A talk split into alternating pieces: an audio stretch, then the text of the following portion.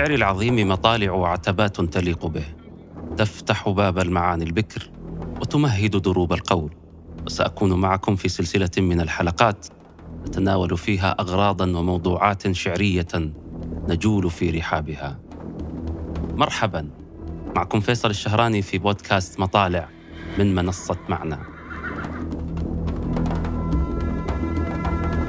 مذ وجد الإنسان وجدت الغربة وكانت مذ كان والغرب الذهاب والتنحي عن الناس وغرب وأغربه وغربه نحاه والغربة النوى والبعد وغربة النوى بعدها والتغريب النفي عن البلد وغريب بعيد عن وطنه والجمع غرباء والأنثى غريبة.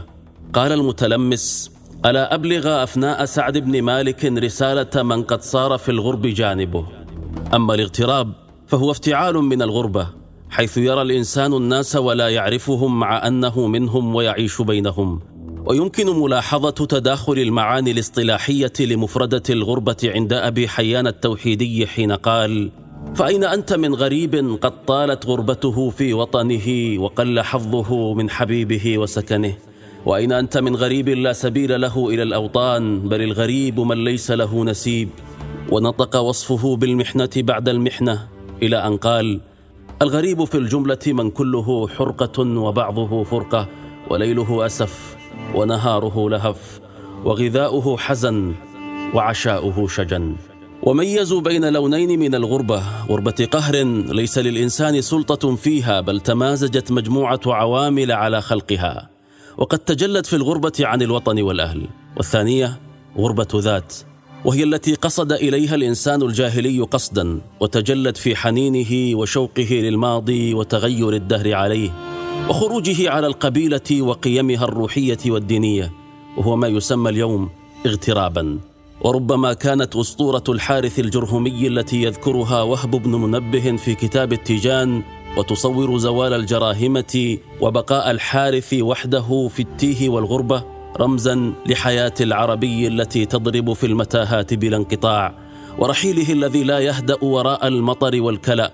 لذلك كانت مطالع القصائد الجاهلية في كثير من الأحيان حديثا عن الأطلال واحساسا بالغربة بعد الأنس.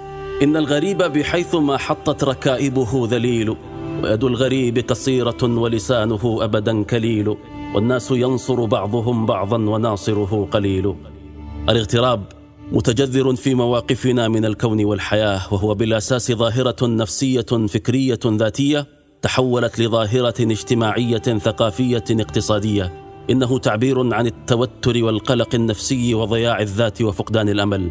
وللمصطلح أو المفهوم امتدادات عميقة في الفكر الغربي عند فيورباخ وماركس وغيرهم.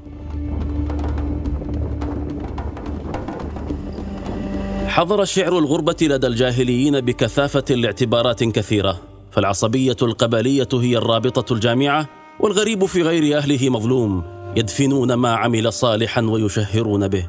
بل إن الشاعر الجاهلي يحس بمرارة الغربة وإن كان بين أخواله. فهذا النمر بن تولب كان يقيم في قبيلة أخواله فاعتدوا عليه وأغاروا على إبله. إذا كنت في سعد وأمك منهم غريبا فلا يغررك خالك من سعد.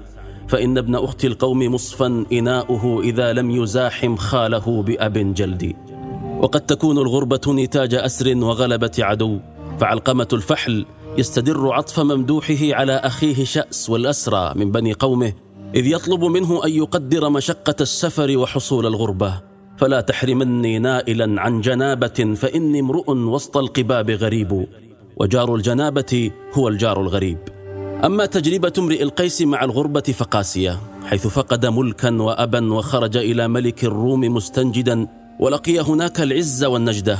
مع هذا فقد ظل الوطن يضج في أعماقه ومات مغتربا وحيدا في طريق عودته. أجارتنا إن الخطوب تنوب وإني مقيم ما أقام عسيب. أجارتنا إنا غريبان ها هنا وكل غريب للغريب نسيب. وأهدر عمرو بن هند دم المتلمس فاضطر للهرب وعاش غريبا طريدا وحين نزل به الموت لم يتناس أهله ودياره حتى ناقته شعرت بهمومه فحنت.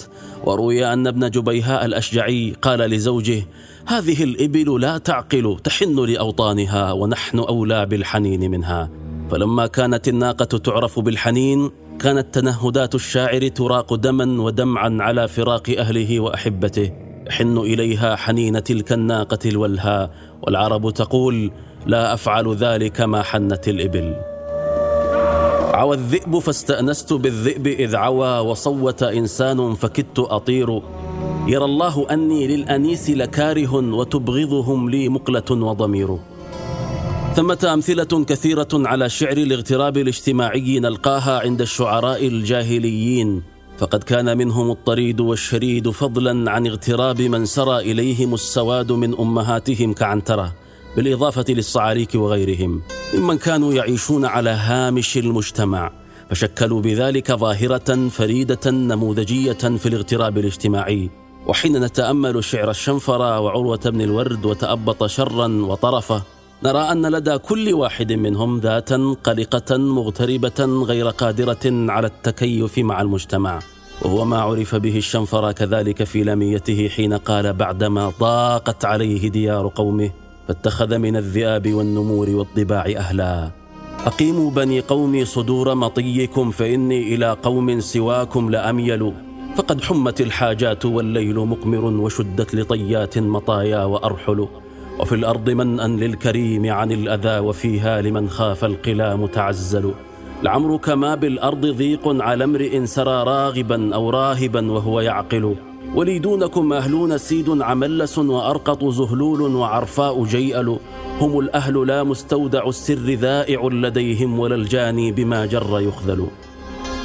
يقول المرزوقي في شرحه لحماسة أبي تمام والشعراء إنما أغراضهم التي يسددون نحوها وغاياتهم التي ينزعون إليها وصف الديار والآثار والحنين إلى المعاهد والأوطان. ولذا فإن ظاهرة الغربة في الشعر لا تتولد من الجزئيات والتفاصيل وإن كانت تسهم في بلورتها بل تتولد من علاقة التأزم القائمة بين الشاعر والكون المحيط به فهي ترتبط دوما بالغربة والحزن وتبعث أحيانا على التذمر والإحباط. لقد كان البعد القبلي على الجاهلي شديدا فشخصه القبلي لا يأخذ بعده الحقيقي إلا في قبيلته إذ لا نصرة ولا كرامة ولا عيش خارج إطار القبيلة. أي يوم سررتني بوصال لم ترعني ثلاثة بصدودي ما مقامي بأرض نخلة إلا كمقام المسيح بين اليهود. مفرشي صهوة الحصان ولكن قميصي مسرودة من حديدي. أين فضلي إذا قنعت من الدهر بعيش معجل التنكيد؟ ضاق صدري وطال في طلب الرزق قيامي وقل عنه قعودي. أبدا أقطع البلاد ونجمي في نحوس وهمتي في سعودي.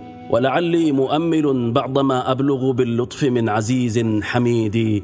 عش عزيزا أو مت وأنت كريم بين طعن القنا وخفق البنود. فرؤوس الرماح أذهب للغيظ وأشفى لغل صدر الحقود.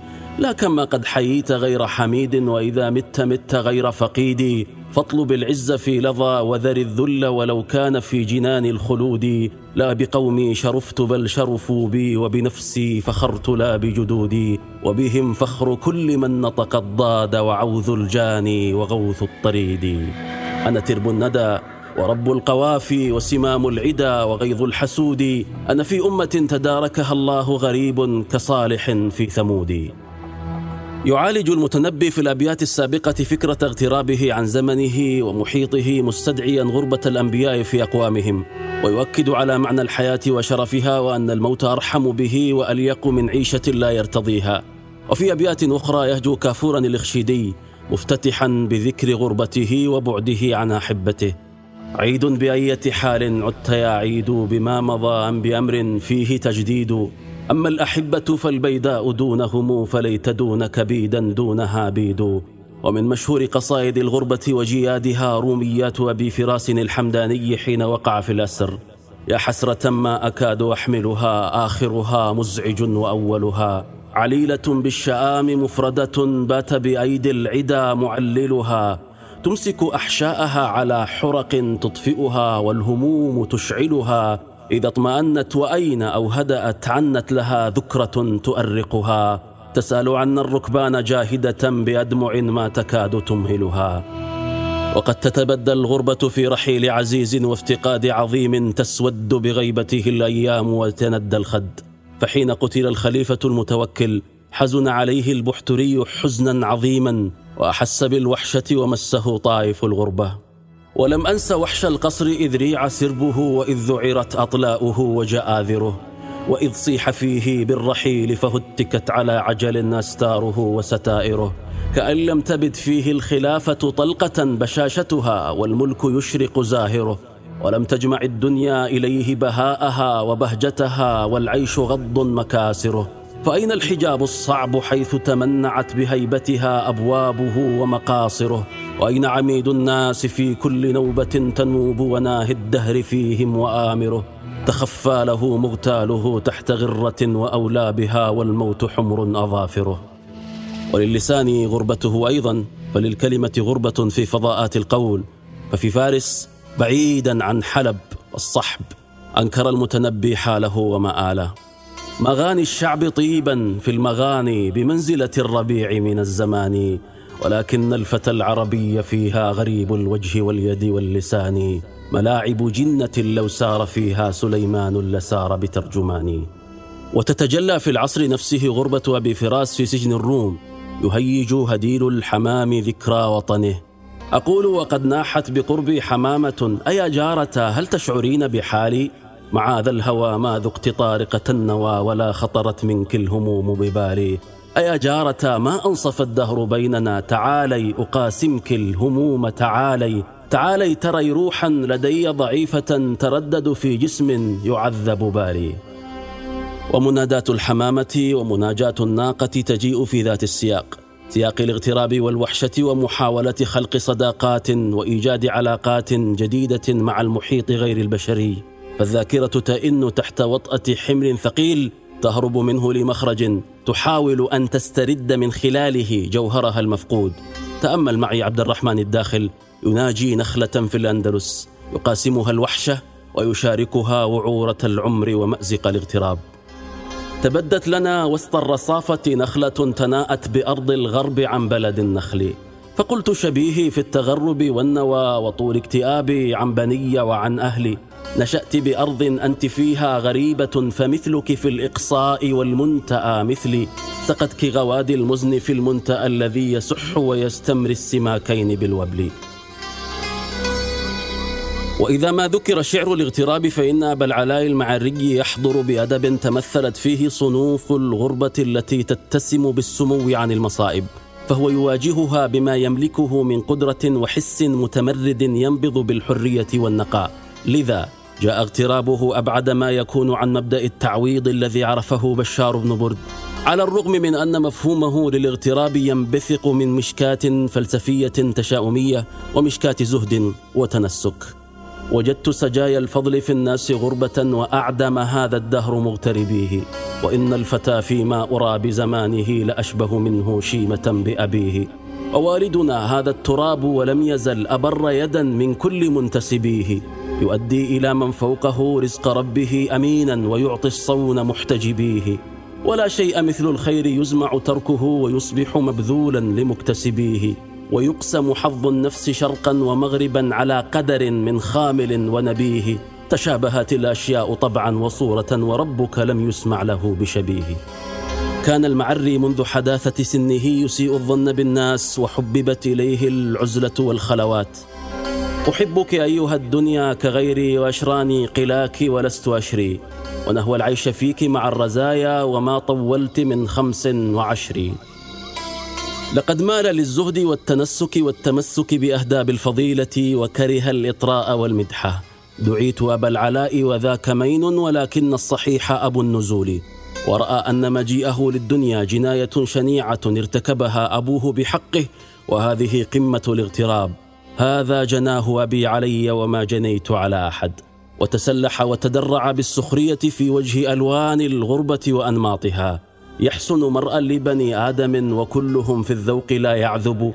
ما فيهم بر ولا ناسك إلا إلى نفع له يجذب. أفضل من أفضلهم صخرة لا تظلم الناس ولا تكذب. لقد لزم المعري بلدته معرة النعمان كما لا يبرح حرف الواو فعل وعد. إذا غدوت عن الأوطان مرتحلا فضاه في البين حذف الواو من يعد كانت فبانت وما حنت إلى وطن وعاد غاد إلى وكر ولم تعد.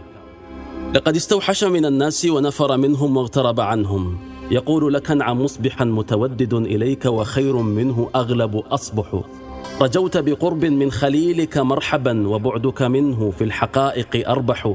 إذا أنت لم تهرب من الإنس فاعترف بطلس تعاوى أو ثعالب تضبح ومارس بحسن الصبر بلواك إنهم أتوا بقبيح فالذي جئت أقبح. تروح إلى فعل السفيه وتغتدي وتمسي على غير الجميل وتصبح. كأن خطوب الدهر بحر فمن يمت بفرط صداه فهو في اللج يسبح. لقد انتهى شيخ المعرة لاغتراب اجتماعي لا نظير له. سكنت إلى الدنيا فلما عرفتها تمنيت أني لست فيها بساكن وما فتئت ترمي الفتى عن قسيها بكل الرزايا من جميع الأماكن. وما سمحت للزائرات بأمنها ولا للمواكي في أقاصي الأماكن. وإذ يموت له حبيب قريب تتجذر المأساة وتطل برأسها فلحظة الموت تأكيد لحالة الاغتراب وبعث لها. غير مجد في ملتي واعتقادي نوح باك ولا ترنم شادي وشبيه صوت النعي إذا قيس بصوت البشير في كل نادي. أبكت تلكم الحمامة أم غنت على فرع غصنها المياد صاح هذه قبورنا تملأ الرحب فأين القبور من عهد عادي؟ خفف الوطأ ما أظن أديم الأرض إلا من هذه الأجساد. وقبيح بنا وإن قدم العهد هوان الآباء والأجداد. سر إن اصطعت في الهواء رويدا لا على رفات العباد.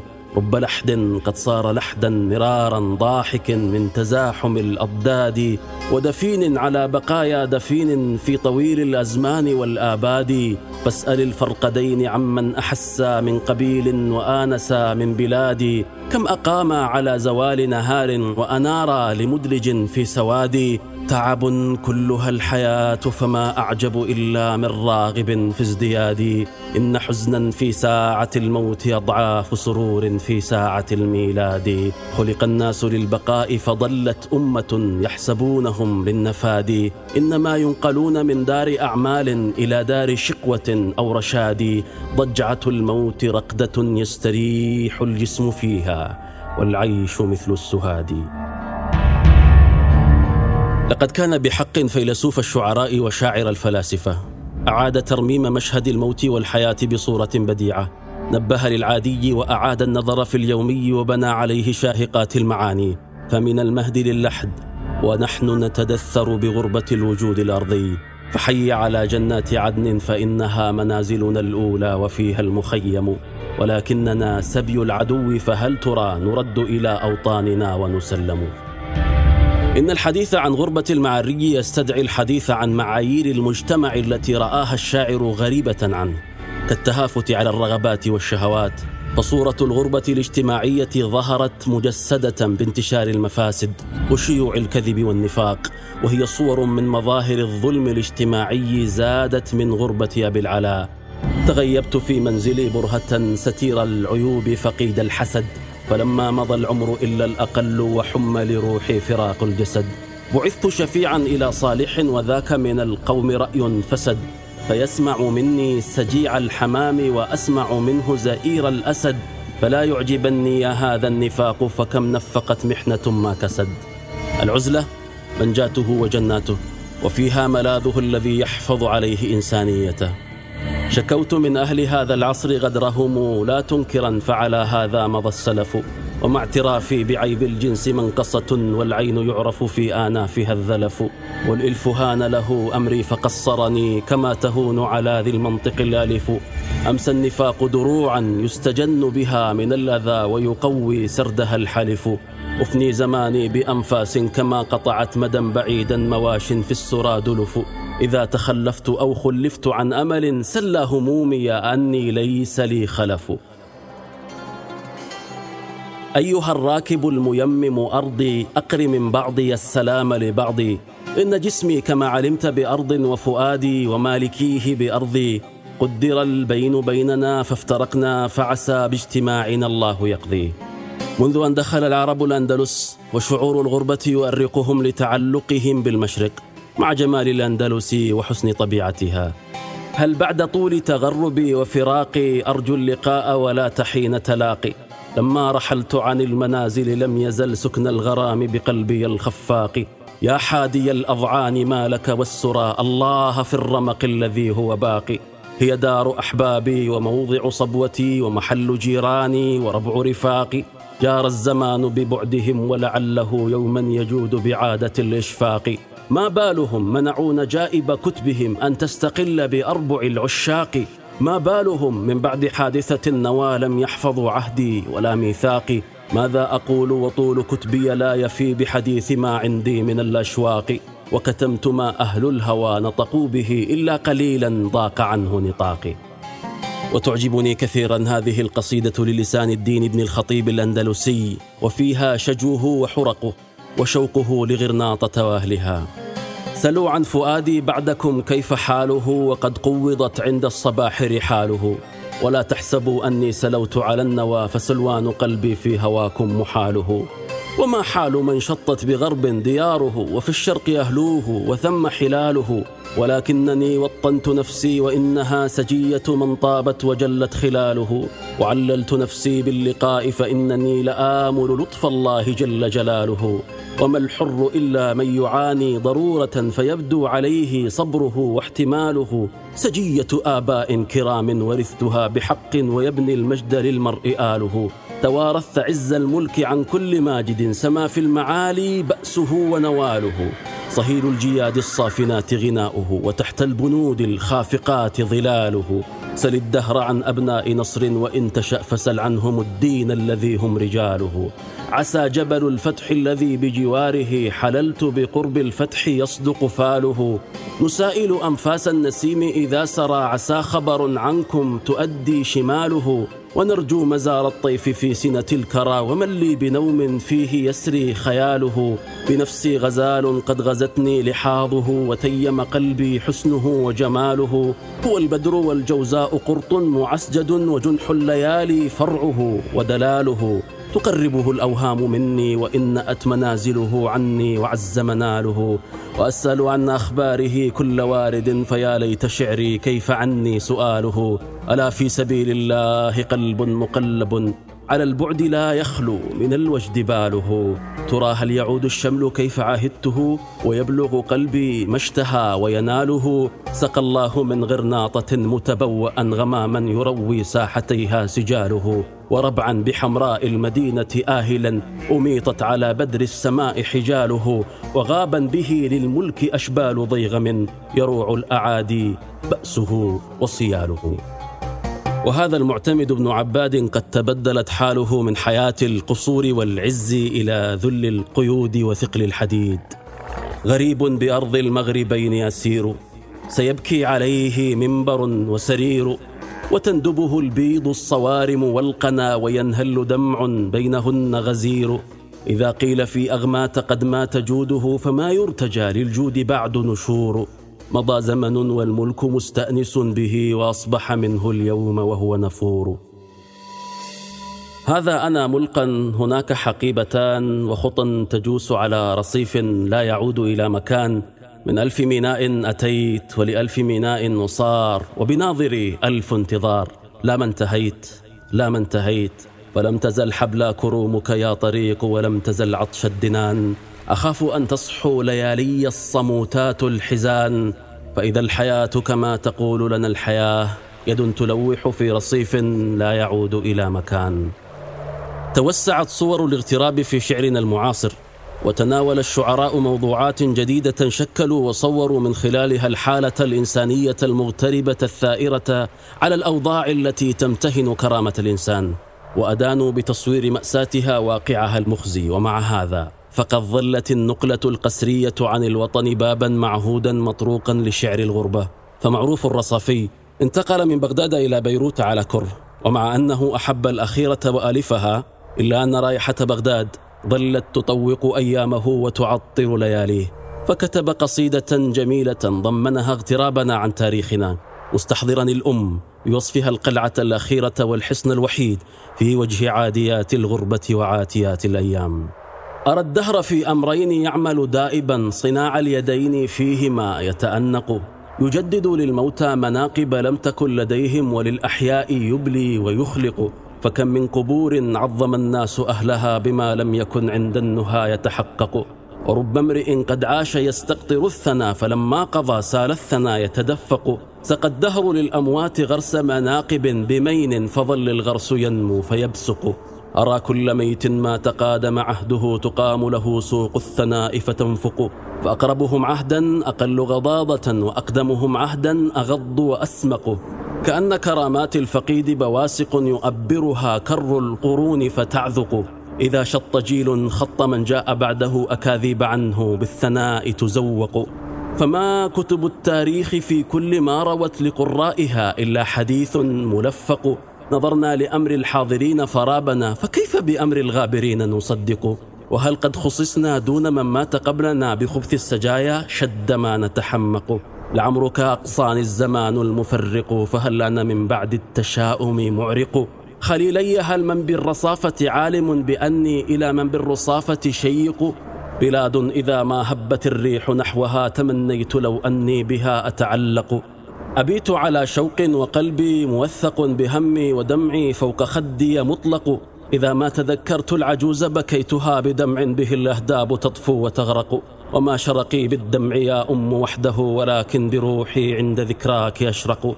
فيا أم صبرا إن لابنك همة إلى المجد ترمي أو إلى المجد تسبق. تضايق عنها الدهر مستعظما لها وأهلوه عنها يا أميمة أضيق. لقد صغرت بغداد عن أن تضمها وما وسعتها بعد بغداد جلق وما الجواهري عن الرصافي ببعيد فقد شطت به النوى وطال اغترابه وغاب أحبابه ورأى أن غربة الدار أهون من الغربة الاجتماعية. يا غريب الدار في وطن بهداة قبله كفرا. بدم سوى لهم حفرا وبورد كلل الحفرا. إن هم الغربة لا يعدله شيء تضيق به صدور الرجال غربة بين الأهل وفي أفياء الوطن. من لهم لا يجارى ولآهات حيارى ولمطوي على الجمر سرارا وجهارا. من لناء عاف أهلا وصحابا وديارا تخذ الغربة دارا إذ رأى الذل إسارا. ولم يسلم الشعراء المعاصرون من النفي الذي كرس شعورهم بالاغتراب. فقد كان نفي البارودي لجزيرة سرنديب ونفي أحمد شوقي الأندلس سببا لكثير من قصائدهما حول الغربة. كفى بمقامي في سرنديب غربة نزعت بها عني ثياب العلائق. ومن رام نيل العز فليصطبر على لقاء المنايا واقتحام المضايق. فإن تكن الأيام رنقن مشربي وثلمن حدي بالخطوب الطوارق فما غيرتني محنة عن خليقتي ولا حولتني خدعة عن طرائقي ولكنني باق على ما يسرني ويغضب أعدائي ويرضي أصادقي فحسرة بعدي عن حبيب مصادق كفرحة بعدي عن عدو مماذق.